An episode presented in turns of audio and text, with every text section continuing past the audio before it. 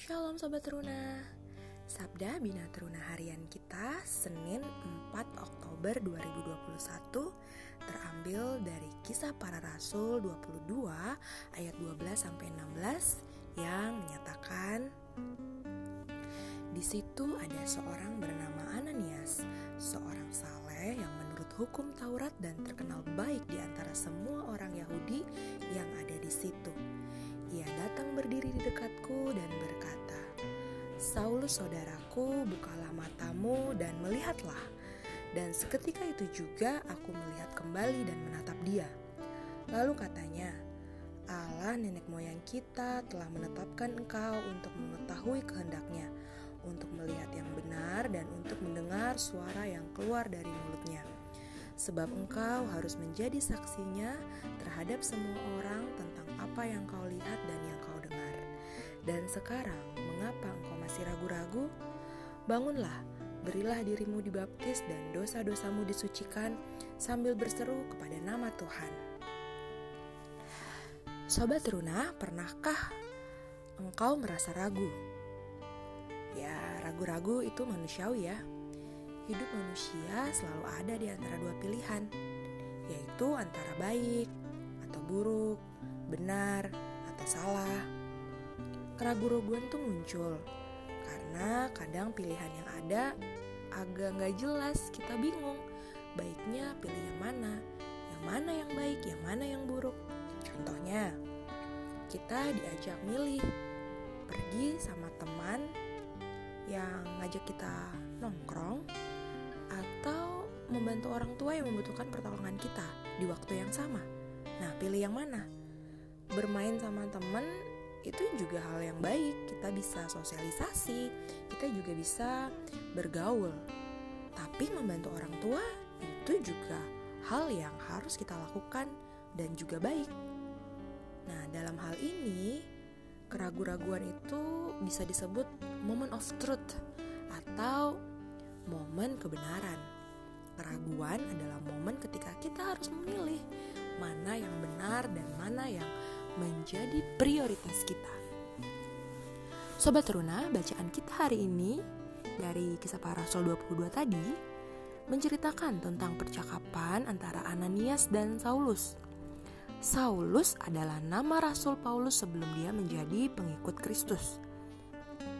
Pertemuan Saulus dengan Ananias ini merupakan titik awal dari perjalanan Saulus yang sebelumnya dia seorang penganiaya orang Kristen, kemudian berbalik menjadi seorang pengikut Kristus. Allah memakai Ananias untuk menyembuhkan mata Saulus yang sempat buta. Dari situlah Saulus menyadari betapa besar kasih dan kuasa Yesus Kristus, Tuhan dan Juru Selamat. Ananias juga meyakinkan Saulus bahwa Allah sudah menetapkan dia untuk mengetahui kehendaknya. Allah sudah menetapkan dia untuk melihat yang mana yang benar dan mendengar suara yang keluar dari mulutnya. Ada di ayat 14 ya. Allah juga menetapkannya untuk menjadi saksinya terhadap semua orang tentang apa yang dilihat dan didengarnya. Ada di ayat 15 bacaan kita. Setelah Ananias menjelaskan semua itu, keraguan-raguan di dalam hati Saulus pun hilang. Sobat Runa, hal keraguan juga sering kali terjadi pada orang percaya. Kita kadang masih ragu-ragu sama kuasa Tuhan Yesus. Kenapa sih? Padahal Allah kan sudah memberikan nafas kehidupan buat kita. Allah sudah menyelamatkan kita melalui Kristus. Tapi kita tuh lebih suka mengandalkan diri kita sendiri. Sukanya pakai kemampuan diri sendiri, mikir-mikir sendiri, nggak melibatin Tuhan sama sekali.